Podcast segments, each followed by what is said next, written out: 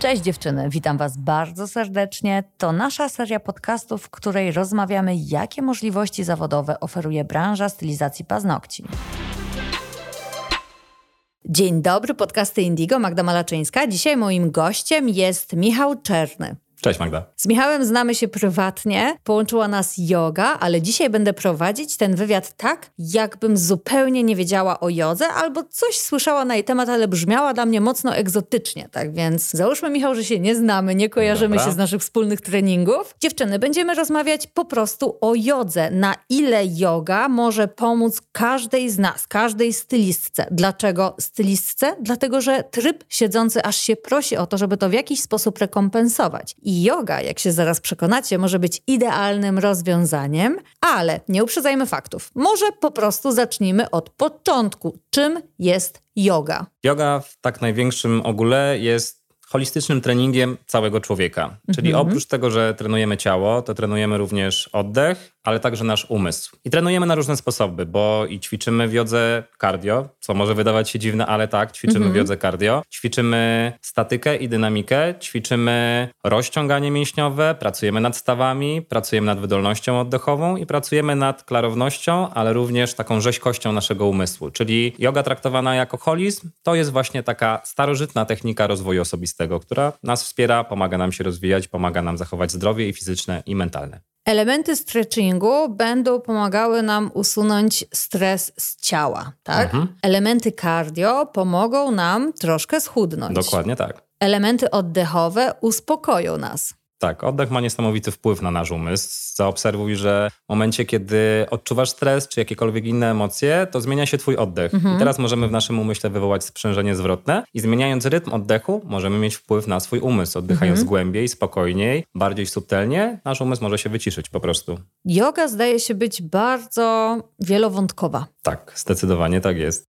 Od czego zacząć? Na czym się skupić? Przede wszystkim na wyborze odpowiednich zajęć pod swoje możliwości. Jest naprawdę w tym momencie cała masa zajęć o różnej tematyce, więc super jest yoga kręgosłupa. Tak jak powiedziałaś, dla stylistek yoga kręgosłupa to byłoby zbawienie, mhm. tak? Ponieważ nasze ciało nie nawykło do tego, żeby siedzieć cały czas, więc taka yoga, która wspiera mięśnie przykręgosłupowe, pomaga je wydłużyć, rozciągnąć, ale również wzmacnia, bo byłaby fajnym rozwiązaniem, więc jest to taka yoga bardziej dla początkujących. Mhm. Oczywiście mamy różne też klasy jogowe, że tak powiem, od początkujących przez średnio zaawansowanych, po bardziej ogólne i bardziej zaawansowane, po jogę power i jogę na przykład dla kobiet w ciąży, więc mhm. warto wybrać zajęcia takie, które odpowiadają Tobie i Twoim możliwościom fizycznym przede wszystkim. Czyli jeżeli chciałabym schudnąć i myślę, że yoga może być dobrym rozwiązaniem, to idę na power jogę, a jeśli chcę robić jogę na zasadzie wyciszenia już po pracy i poświęcić na to, dajmy na to 15-20 minut dziennie, to wtedy sięgam po jogę połączoną z oddechem. I z medytacją. I teraz na przykład power yoga często nazywa się jogą vinyasa. Vinyasa mhm. to dynamiczny styl jogi. Mhm gdzie te asany, czyli statyczne ćwiczenia ciała, są przeplatane w dynamicznym rytmie. Mindfulness yoga właśnie wykorzystuje pracę z ciałem, pracę z oddechem i z umysłem, co ma efekt właśnie taki bardziej antystresowy. Yoga jest bardzo różnorodna. Nie jest to tenis, który e, rządzi się konkretnymi zasadami. Yoga jest tak szeroko pojętą nauką o ciele w zasadzie, można mhm. powiedzieć, tak? Sposobem dbania o siebie, że może dobrać sobie to, co dla ciebie będzie najfajniejsze. Wybrać z tego bufetu, z tego szwedzkiego stołu to, co akurat tobie jest w danym momencie potrzebne. A statystyczna stylistka siedząca i pracująca po 8-10 godzin, nie mająca czasu na treningi, myślę, że najlepiej, żeby mogła wspierać sobie po prostu odcinek kręgosłupa i od tego zacząć. Może od oddechów i wtedy zobaczyć, czy mi się to podoba, bo to też ważne, żeby ta yoga była przyjemnością.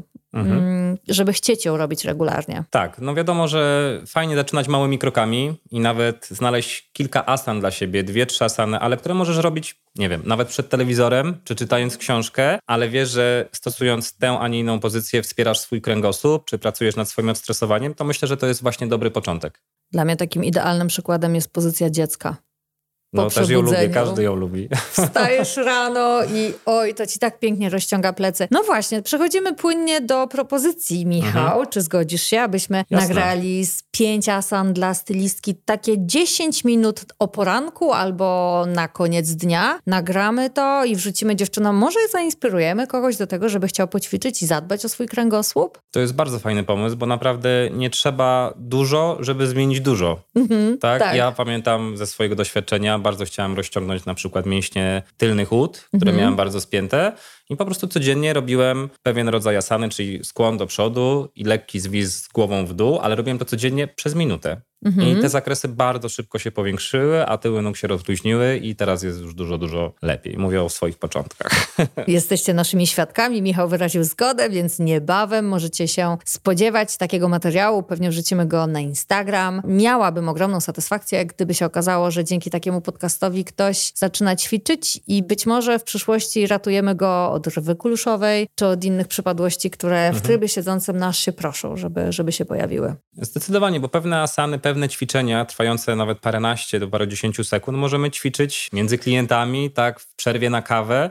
Chodzi o nawyk ruchowy, Tak. tak. Bo nie robimy sobie krzywdy najczęściej ćwicząc na sali, czy nie wiem, e, w trakcie aktywności ruch- ruchowej na zewnątrz. Najczęściej krzywdę robimy sobie przez zły nawyk ruchowy. I teraz prosta zmiana nawyku, czyli tak jak mówię, idziesz na kawę i przeciągasz się w odpowiedni sposób, może pomóc. I może znacznie wpłynąć na zmianę po prostu twojego komfortu i pracy i życia w ogóle. A teraz porozmawiajmy o technikaliach. Czy mogę wziąć na jogę moje dziecko? Jeśli tak, to w jakim wieku ten dzieciaczek powinien być, żeby już z tego treningu coś dało się wspólnie stworzyć? Yoga jest dla każdego i w każdym wieku. Ja prowadzę jogę w żłobkach i są tam półtora roczniaki, które Naprawdę? zaczynają naśladować. I umiejętność naśladowania jest kluczowa w ich trybie rozwoju wtedy. Czasem nie robią nic, ale czasem nagle coś zaskakuje i zaczynają coś robić. Wiemy, że z czym skorupka za młodu, prawda? Tym później nam jest łatwiej.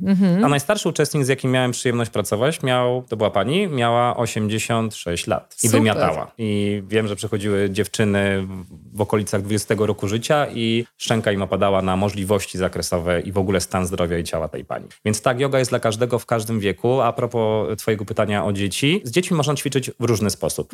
Organizujemy bardzo często takie warsztaty jogi dla dzieci z rodzicami, co świetnie wpływa na integrację dziecka z rodzicem i oswajanie tego ruchu, gdyż dziecko fajnie się czuje po prostu, gdy ma bezpieczną osobę blisko siebie. Możemy ćwiczyć z dziećmi w przedszkolach, w szkołach i są takie zajęcia, takie zajęcia też organizujemy i to świetnie się sprawdza, dzieciaki to lubią. Wszystko to jest podane w formie zabawy, więc jeżeli yoga dla dzieci, moim zdaniem powinna to być yoga w formie zabawy, przyjemności, wygupów i pokazywania umiejętności naśladowania, ale też wprowadzamy w to wszystko proste ćwiczenia oddechowe, relaksacyjne, medytacyjne, żeby uczyć malucha od najmłodszych lat, jak radzić sobie po prostu z tym, co mamy w środku. A ile może trwać taki trening, żeby tak z Twoich obserwacji dziecko nie zdążyło się znudzić? To jest tak, dla dzieci w wieku przedprzedszkolnym, czyli żłobkowym, trening trwa od 15 do 20 minut. Jest króciutki. Jest tylko taką, można powiedzieć, zajaweczką i trailerem na przyszłość. Dzieci w wieku przedszkolnym trenują około już pół godziny, szkoła 45 minut. I potem to się, to się wydłuża. I tyle Nieźle. dzieci są w stanie wytrzymać. I wiadomo, przeplatamy to zabawami, przeplatamy to atrakcyjnymi nagrodami, ale teraz nie są to nagrody nigdy rzeczowe. Nagrodą może być na przykład postawienie dziecka na głowie. I ona traktuje to jako nagroda, a przy okazji sobie pracuje. Nagrodą może być fajna gra planszowa, w którą zagramy razem, fajna zabawa integracyjna, czyli coś, co dziecko będzie miało poczucie, że to jest dla niego i to jest jakby wynagrodzenie za fajną pracę, którą wykonał, ale i tak dzięki temu się rozwija dalej. I wcale nie musi to być rzecz materialna.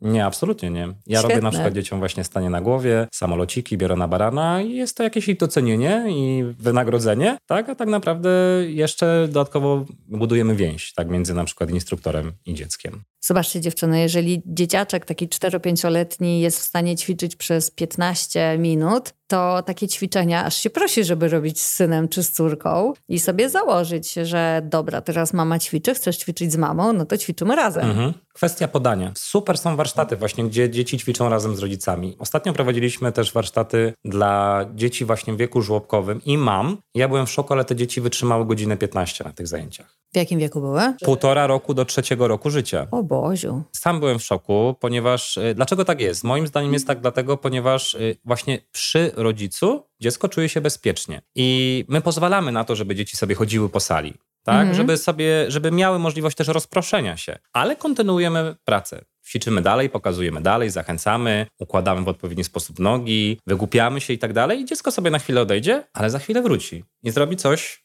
po raz kolejny.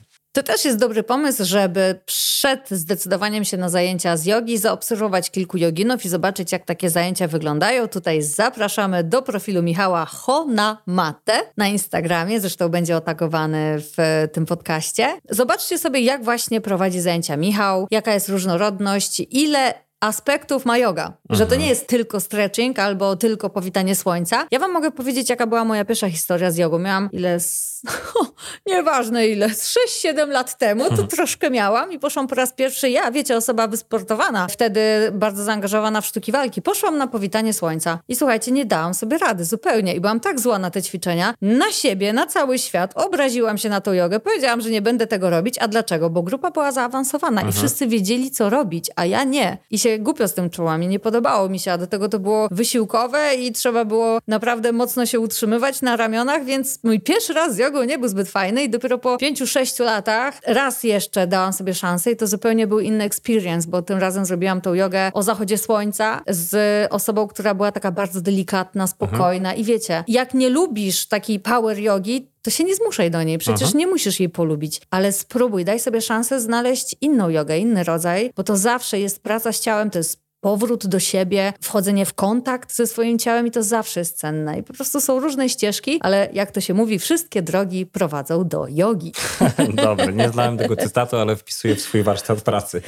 Ale masz rację i stuprocentową. Tyle, ile mamy osobowości, ile jest różnych typów osobowości, tyle tak naprawdę jest różnych typów jogi, bo ktoś będzie wolał powolny ruch, bardzo dokładny, bardzo precyzyjny, w ogóle bez dynamiki, tylko z długim trwaniem w pozycjach, a ktoś będzie lubił bardziej dynamiczne zmiany. Bo takie mamy charaktery, prawda? Mamy ogniste charaktery, które są tornadem, cokolwiek robią, a mam osoby bardziej spokojne. Ja osobiście lubię dynamiczny tryb jogi, w tym mi się pracuje najlepiej, ale nie ukrywam, że są momenty w moim życiu, kiedy naprawdę wolę się zatrzymać i postudiować swoje ciało od wewnątrz. I to też jest fajne. Więc tak, to super idea, żeby sprawdzić różne style jogi, różnych nauczycieli, różne miejsca, w których są prowadzone e, zajęcia jogi i wybrać coś dla siebie. Właśnie takie miejsce, w którym po prostu będziesz czuła, czy też czuł się dobrze którym będzie ci się podobać, w którym będziesz czuła flow, że to jest to. A jak jest z jogą w ciąży? Czy można ćwiczyć, kiedy spodziewamy się dzidziusia? Mhm, wiesz, prowadziłem wiele pań w tym stanie błogosławionym, że tak powiem,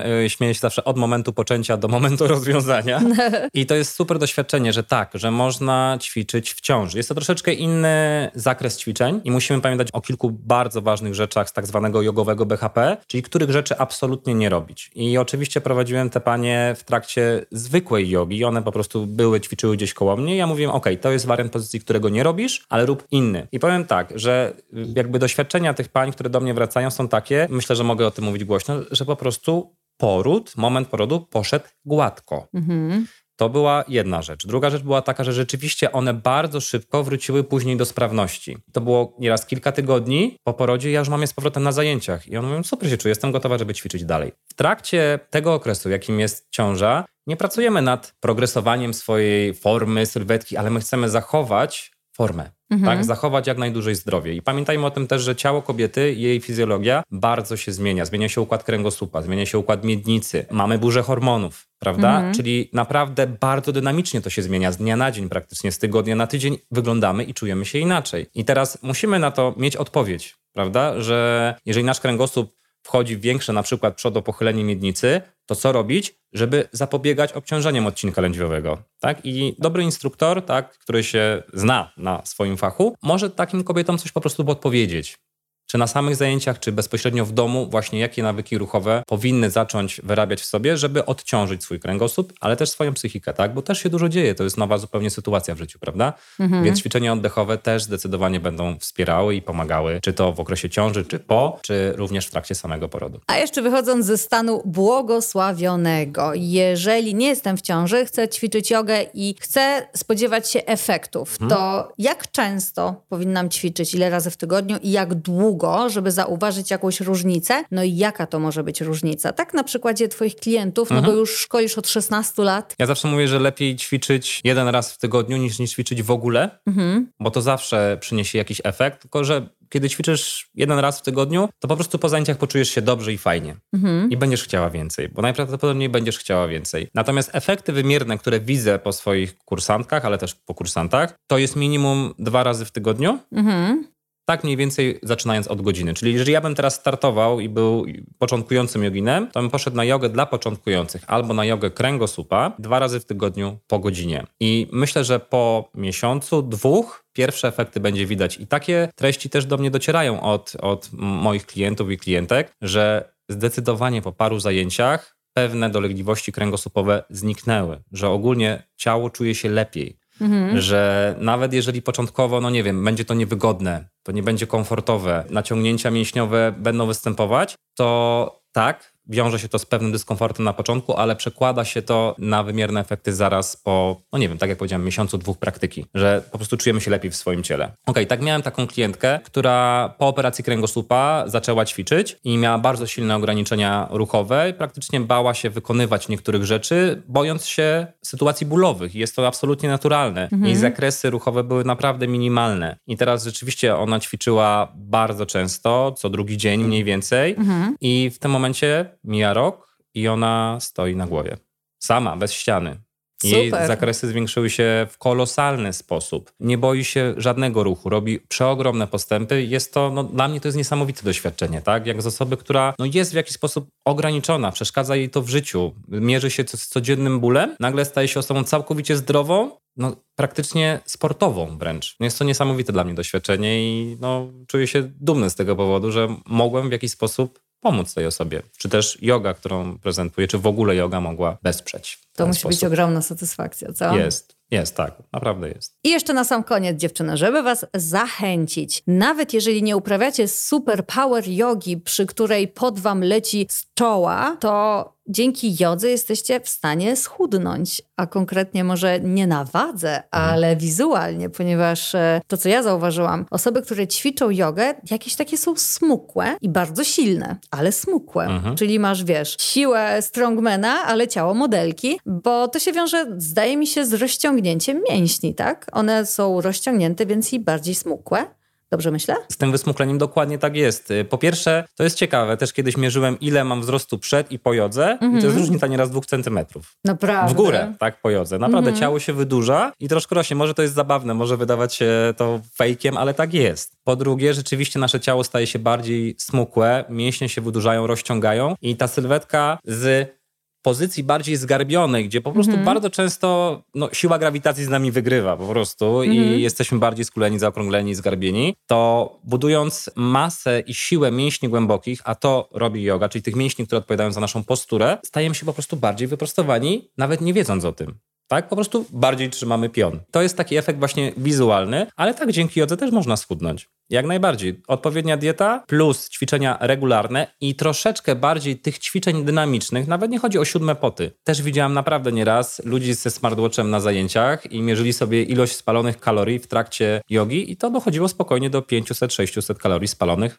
na półtorej półtora godzinnej sesji. To jest dobry wynik. No to jest dobry wynik, to tak jakbyś przebiegła parę kilometrów. Dobra, mieliśmy kończyć, ale jeszcze jest jedna rzecz, o której trzeba powiedzieć, a konkretnie o twoim wieku biologicznym, Metabolicznym. metabolicznym. Okej, dajesz. Mhm. Myślę, że mogę się do tego przyznać. Mam 37 lat i ostatnio robiłem sobie BMI przy takiej specjalnej technologii, przy takiej maszynie, która właśnie mierzy ci wiek metaboliczny, tak? Czyli możemy powiedzieć wiek twojego ciała, tak można powiedzieć. I słuchajcie, wyszło mi 22 lata. 15 lat mniej. 15 lat różnicy. Wow. Mojej partnerce, która ma w tym momencie 42 lata, wyszło 26. Wow. Tak, oboje ćwiczymy jogę od, od pewnego czasu już, więc, więc myślę, że jest to, nie jest to żaden dowód naukowy, Mhm. ale tak naprawdę jest to jakiś wymierny dowód na to, że no po prostu yoga odmładza, można tak powiedzieć. Czujemy się lepiej, wyglądamy lepiej, jesteśmy bardziej smukli i przede wszystkim no po prostu uczymy się też akceptacji siebie takimi, jakimi jesteśmy, a to też jest efekt uboczny jogi. Jednym słowem, yoga robi nie tylko ciało, nie tylko zdrowie, ale również głowę. I jeżeli jeszcze nie przetestowałyście jogi na sobie, to bardzo gorąco zachęcamy. Spróbujcie. Po prostu. Zachęcamy. dajcie sobie szansę. Dziękujemy, że wysłuchałyście naszego podcastu. Michale, dziękuję Ci bardzo za wizytę. Dzięki Magda za zaproszenie. I do zobaczenia już niedługo, kiedy będziemy nagrywać 5 asan dla stylistki paznokci. 10, maks 15-minutowy filmik, Dokładnie. który dziewczyny będą mogły odtworzyć u siebie w domu. I ćwiczyć, kiedy tylko będą miały ochotę. Na przykład codziennie. Najlepiej. Dzięki dziewczyny raz jeszcze i miłego dnia. Trzymajcie się ciepło. Pa, pa! Dzięki, do zobaczenia.